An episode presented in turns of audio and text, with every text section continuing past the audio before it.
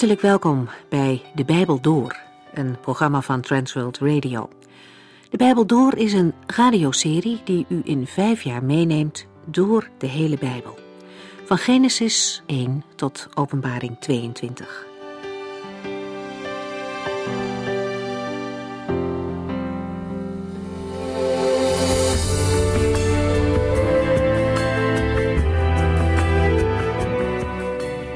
We zijn bezig in de brief aan de Galaten. Van deze serie zijn dvd-opnames gemaakt en die kunt u ook bestellen. Voor meer informatie verwijs ik u graag naar onze website www.transworldradio.nl of bekijk de afleveringen online via luisterpost.nl. In de vorige uitzendingen hebben we Galaten 1 besproken. Paulus is geschokt als hij hoort dat de Galaten zich laten beïnvloeden door Joodse dwaalleraren. In deze brief bindt hij hen op het hart dat ze zich niet zo snel van de wijs moeten laten brengen. Hij legt uit dat het evangelie dat hij gebracht heeft waarheid is. Het is geen bedenksel van mensen, maar het is van God zelf. Paulus gebruikt zijn eigen bekering om dat te verduidelijken. Voordat hij in Jezus geloofde, vervolgde Paulus de christenen heel fanatiek. Hij was ervan overtuigd dat zij het helemaal mis hadden en ook een gevaar voor de samenleving betekende totdat God zelf uit de hemel hem aansprak. Dat moment werd een omkeer van 180 graden voor Paulus. Jezus, die hij eerst vervolgde, werd zijn Heer. Paulus was door God uitgekozen om het goede nieuws aan de volken buiten Israël te brengen. En bij zijn roeping was het Paulus duidelijk dat hij er niet eerst met mensen over moest praten, zelfs niet met de andere apostelen. Hij ging naar Arabië, een streek ten zuidoosten van Damascus en later naar Damascus. Over de drie jaar die hij hier doorbracht lezen we verder niets in de Bijbel. Het is een periode van eenzaamheid waarin hij door God werd voorbereid op zijn taak. In de Bijbel komt het vaker voor dat dienstknechten van God een tijd in stilte en afzondering in de woestijn kennen, waarin ze God beter leren kennen. Het is overigens goed mogelijk dat Paulus in deze periode al wel begonnen is in zijn omgeving om over Jezus te vertellen. Laten wij verder lezen met hoofdstuk 2.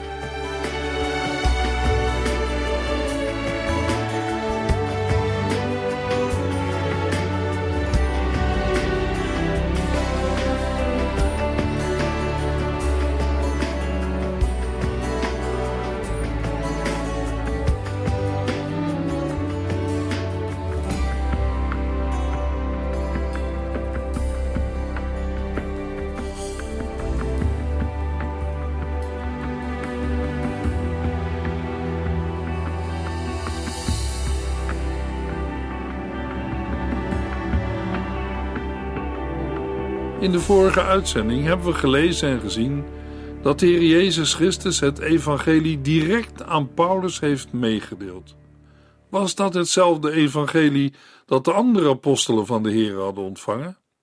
We zullen het gaan ontdekken in Galaten 2. In Galaten 2 vers 1 tot en met 10 wordt het zelfstandige en legitieme karakter van Paulus' apostelambt tegenover de dwaalleraren aangetoond op grond van de inhoudelijke erkenning ervan door de gezaghebbende apostelen in Jeruzalem. Maar de ontmoeting met de apostelen in Jeruzalem vindt pas later plaats en kunnen we gelijk stellen met de berichten in Handelingen 15 over het apostelconvent. Gelaten 2 vers 1 Veertien jaar later ben ik weer naar Jeruzalem gegaan, samen met Barnabas. Titus had ik ook meegenomen. De veertien jaar later moet er gerekend worden vanaf Paulus' eerste bezoek aan Jeruzalem, waarover we lazen in Gelaten 1 vers 18. In die tijd vallen dan zijn verblijf in de streken van Syrië en Cilicië, het jaar in Antiochië en zijn eerste zendingsreis samen met Barnabas. Barnabas is een leviet en afkomstig van het eiland Cyprus. Hij werd later door de gemeente van Jeruzalem naar Antiochië gestuurd. In Handelingen lezen we ook dat aan Barnabas en Paulus door de gemeente van Antiochië de zorg werd toevertrouwd om de gift uit Antiochië naar Jeruzalem te brengen. Barnabas had het vertrouwen van beide partijen en had al lange tijd samen met Paulus het evangelie verkondigd. De reden waarom Paulus ook Titus meenam is minder duidelijk. Mogelijk heeft hij hem meegenomen als een van de broeders die niet van Joodse afkomst was. Opdat duidelijk zou blijken dat de genade van God zowel aan Joden als niet-Joden ten deel is gevallen. Paulus schrijft: Veertien jaar later ben ik weer naar Jeruzalem gegaan, samen met Barnabas. Titus had ik ook meegenomen.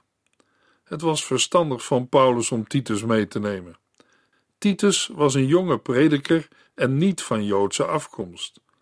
De vraag die beantwoord moest worden was of de mensen door de genade van God werden gered, of dat ze daarbij ook de wet van Mozes moesten houden, om het met de Heer in orde te maken. Zal Titus gedwongen worden tot een besnijdenis? De Judaïsten beweerden dat de gemeente in Jeruzalem vasthoudt aan de stelling dat alle gelovigen in Christus, Jood en niet-Jood, onder de wet van Mozes vallen.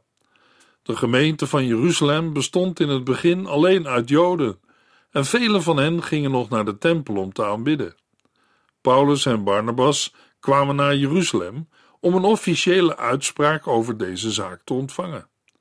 Paulus schrijft in Galaten 2 vers 2: God had mij duidelijk gemaakt dat ik erheen moest gaan om de christenen te vertellen wat voor goed nieuws ik de andere volken breng. Ik heb het ook nog afzonderlijk aan belangrijkste mensen voorgelegd, om er zeker van te zijn dat mijn inspanningen niet voor niets waren. Paulus ging niet op eigen initiatief, ook niet op een eis van de kant van Jeruzalem. Zijn apostelschap had een dergelijke legitimering niet nodig. De reden van zijn bezoek was een openbaring. Hoe deze openbaring heeft plaatsgevonden, wordt niet meegedeeld in handelingen. In Handelingen 15 lezen we over de omstandigheden die leidden tot een bezoek van Paulus en Barnabas en enkele anderen aan Jeruzalem. De broeders in Antiochië hadden daartoe opdracht gegeven. In Jeruzalem legde Paulus de gemeente het goede nieuws, het evangelie voor. In vers 2 schrijft hij: God had mij duidelijk gemaakt dat ik erheen moest gaan om de christenen te vertellen wat voor goed nieuws ik de andere volken breng. Voegen we de informatie uit handelingen en uit gelaten samen, dan kunnen we zeggen dat Lucas mededeling doet over de opdracht die de apostel kreeg van de broeders in Antiochië, na de heftige discussie met de Judaïsten, en dat Paulus in gelaten wijst op de openbaring die de Heer hem had gegeven om naar Jeruzalem te gaan. Afzonderlijk heeft de apostel het ook aan de gezaghebbende leiders in de gemeente voorgelegd, waarvan in vers 9 de drie belangrijkste worden genoemd: Jacobus, Petrus en Johannes. Het doel van dit voorleggen was niet een erkenning van het apostelschap en de prediking van Paulus, om zo meer gezag te verkrijgen. Nee, het ging om de eenheid van het apostolaat en daarmee om de eenheid van de evangelieverkondiging, die blijkens Handelingen 15 vers 1 in gevaar was. Het moest duidelijk worden dat er maar één evangelie is en dat de inspanningen van de apostel Paulus niet voor niets waren en niet beantwoorden aan Gods bedoeling met zijn leven, zodat het woord dat Paulus doorgeeft zonder vrucht zou blijven. Die vrucht bestaat in het aannemen van het woord door de gemeente.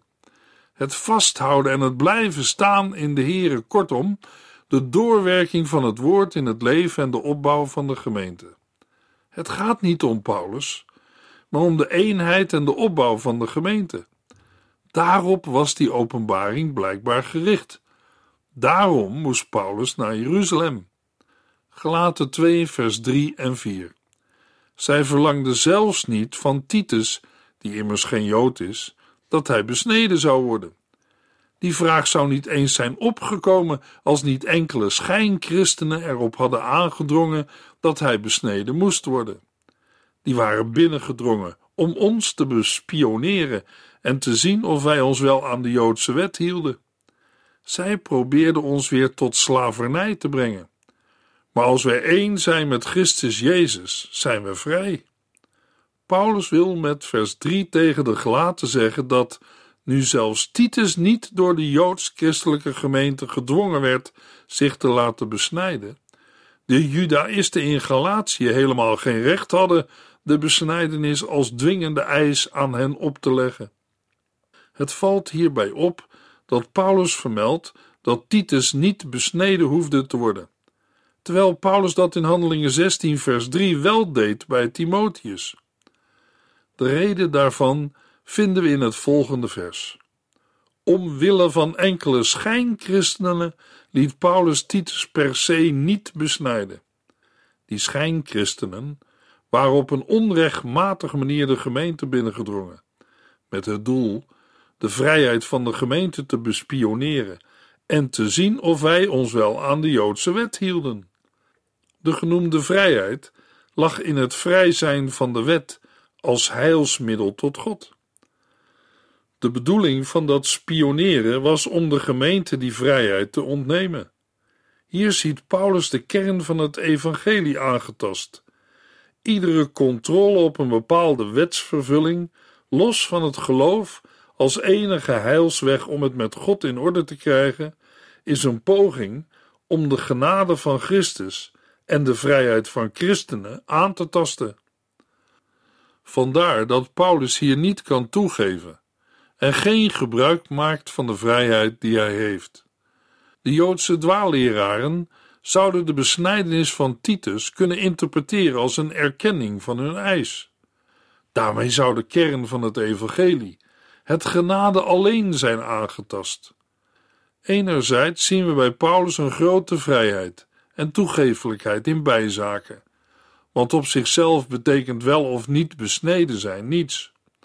Anderzijds wijkt de apostel geen duimbreed.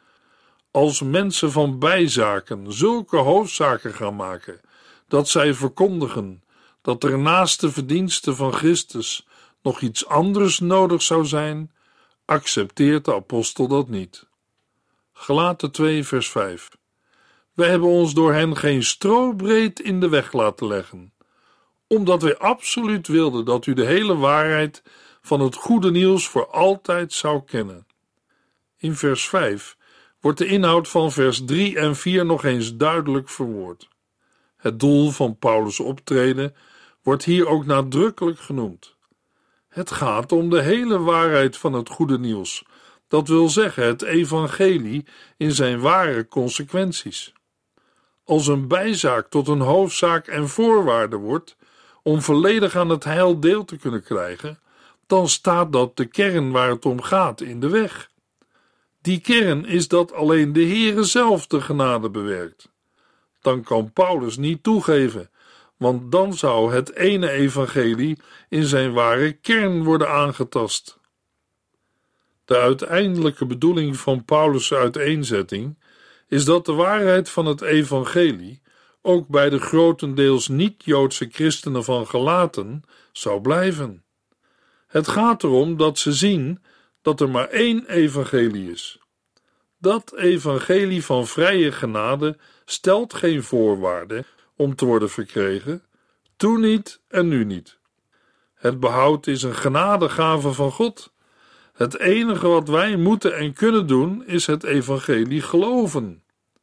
De handelwijze van Paulus is een voorbeeld voor de gelaten, om in hun situatie hetzelfde te doen. Paulus schrijft wij hebben ons door hen geen strobreed in de weg laten leggen. Met andere woorden, dat is wat jullie ook moeten doen.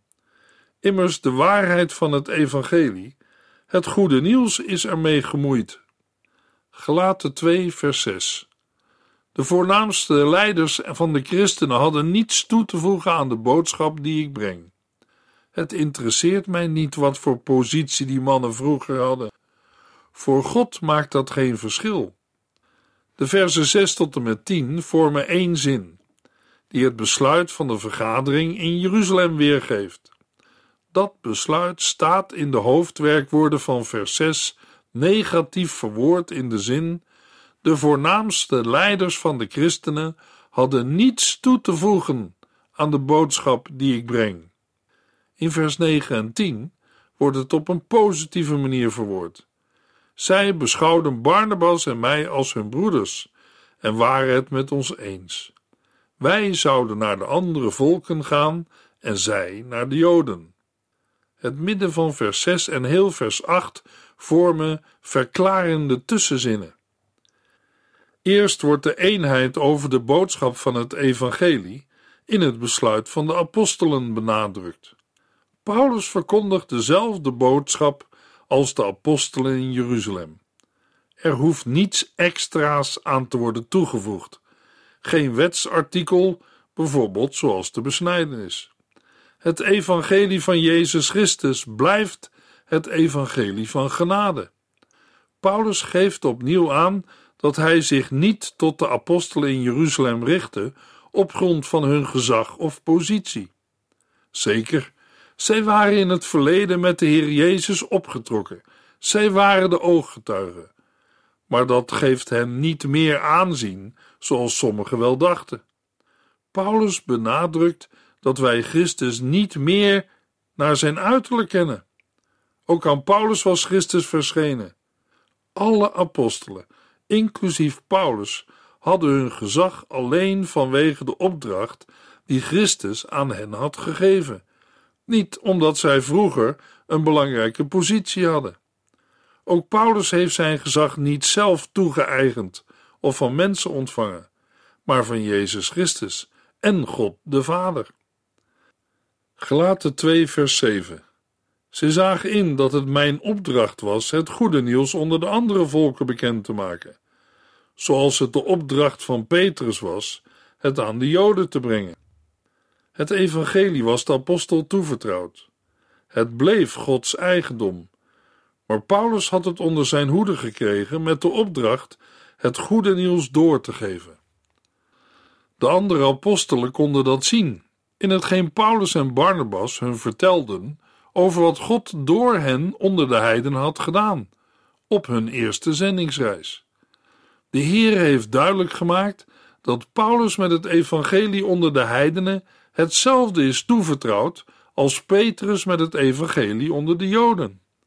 Er zijn geen twee soorten evangelie, in de zin van een evangelie van Petrus en een evangelie van Paulus. De beide apostelen waren het volkomen met elkaar eens over het evangelie. Gelaten 2 vers 8 God zette Petrus in als apostel voor de Joden en mij als apostel voor de volken die God nog niet kenden. Het is immers één en dezelfde God die zowel Petrus als Paulus de kracht gaf om zijn apostel te zijn. God liet zijn woord werken, zowel bij Petrus als bij Paulus, zodat mensen dat woord aannamen, niet als een woord van mensen, maar, wat het inderdaad is, als een woord van God dat ook werkzaam is in de gelovigen. Zo schrijft Paulus het aan de Thessalonicensen in 1 Thessalonicense 2 vers 13. En dat mag ook gelden voor de christenen in Galatië. Die werkzaamheid bestond niet alleen in de werking van het woord. Het gebeurde ook met kracht en door de Heilige Geest.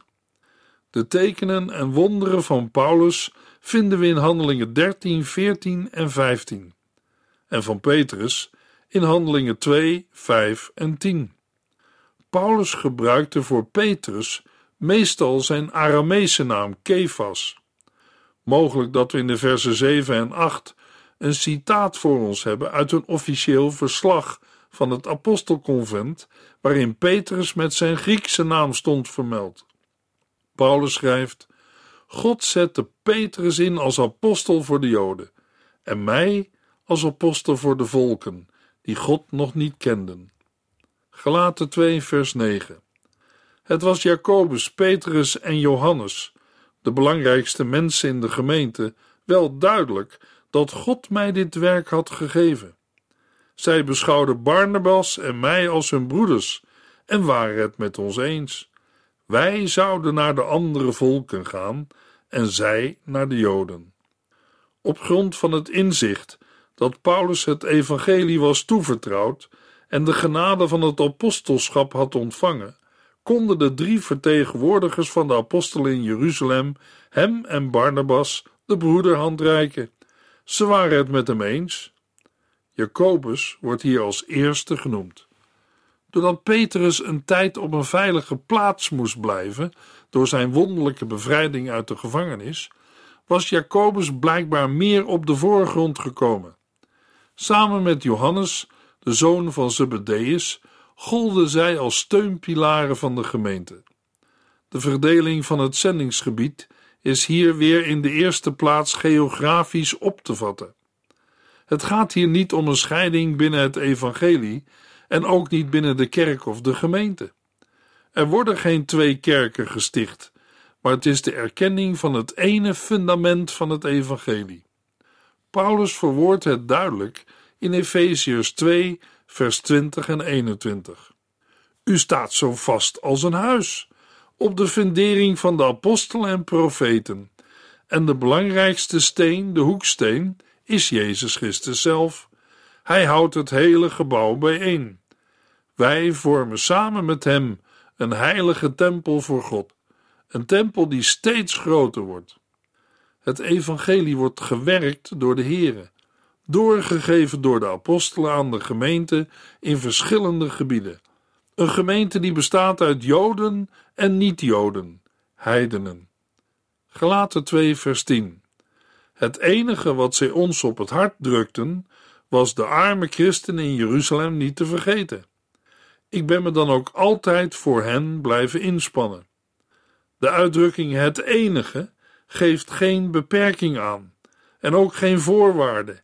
Het geeft aan dat de nauwe verbondenheid uitkomt in die ene afspraak dat de gemeente onder de niet-Joden, de heidenen, de armen in Jeruzalem niet zullen vergeten. Dat was Paulus al blijven doen, zoals we in Handeling 11 en 12 hebben gelezen, en hij zou het ook blijven doen. De achtergrond van deze verbondenheid wordt aangegeven in Romeinen 15, vers 26 en 27. Want het leek de Griekse gelovigen goed iets voor hun arme geloofsgenoten in Jeruzalem te doen. Hoewel ze het graag hebben gedaan, is het eigenlijk niet meer dan hun plicht.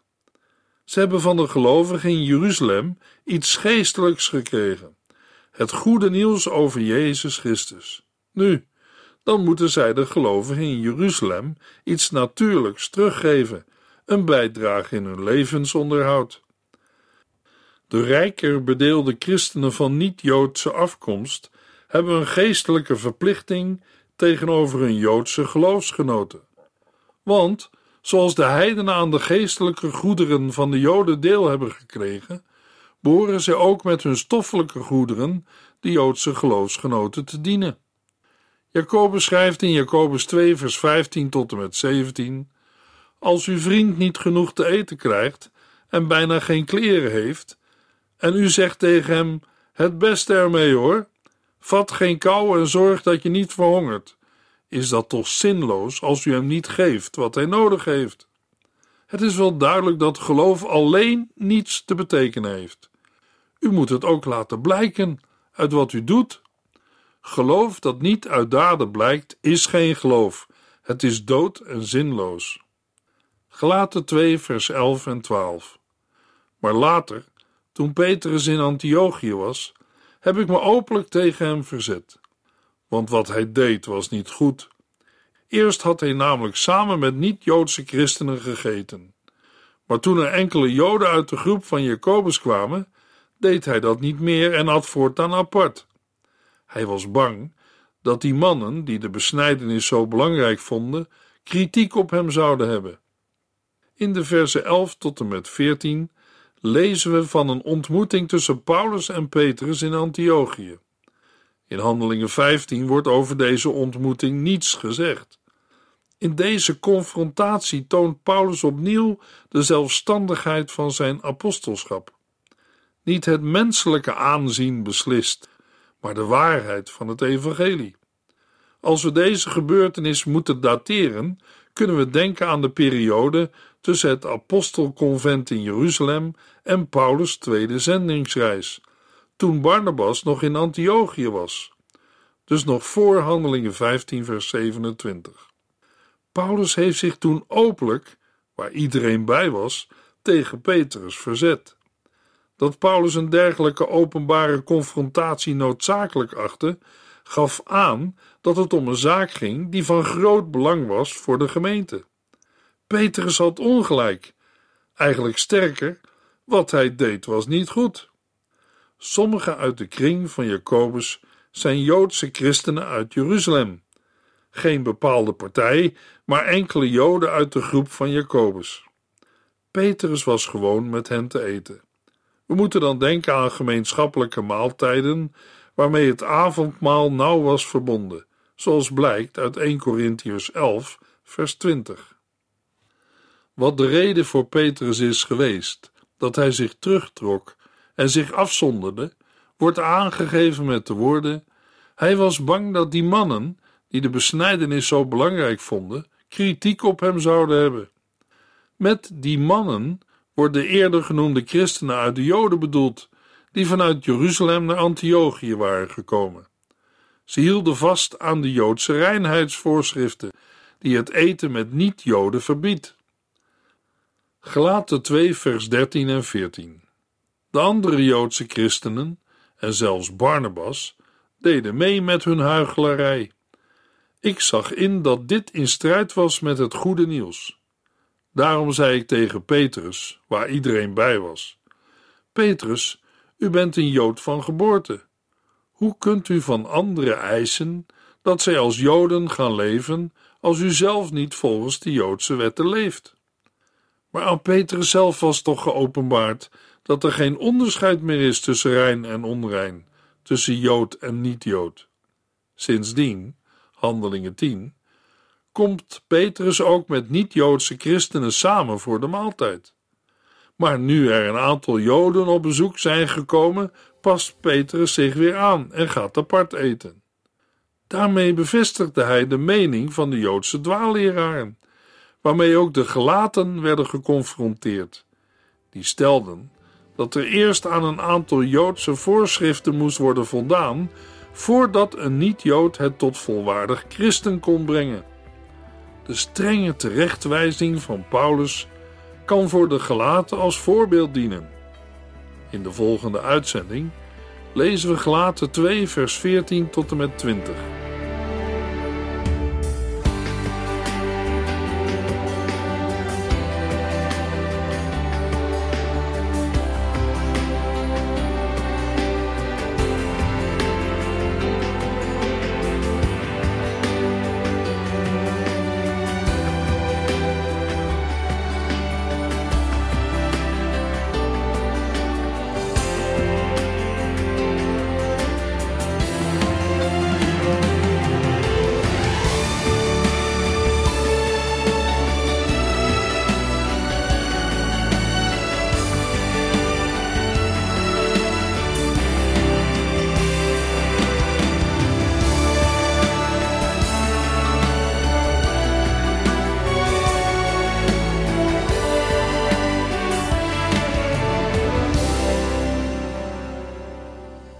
Geluisterd naar De Bijbel Door.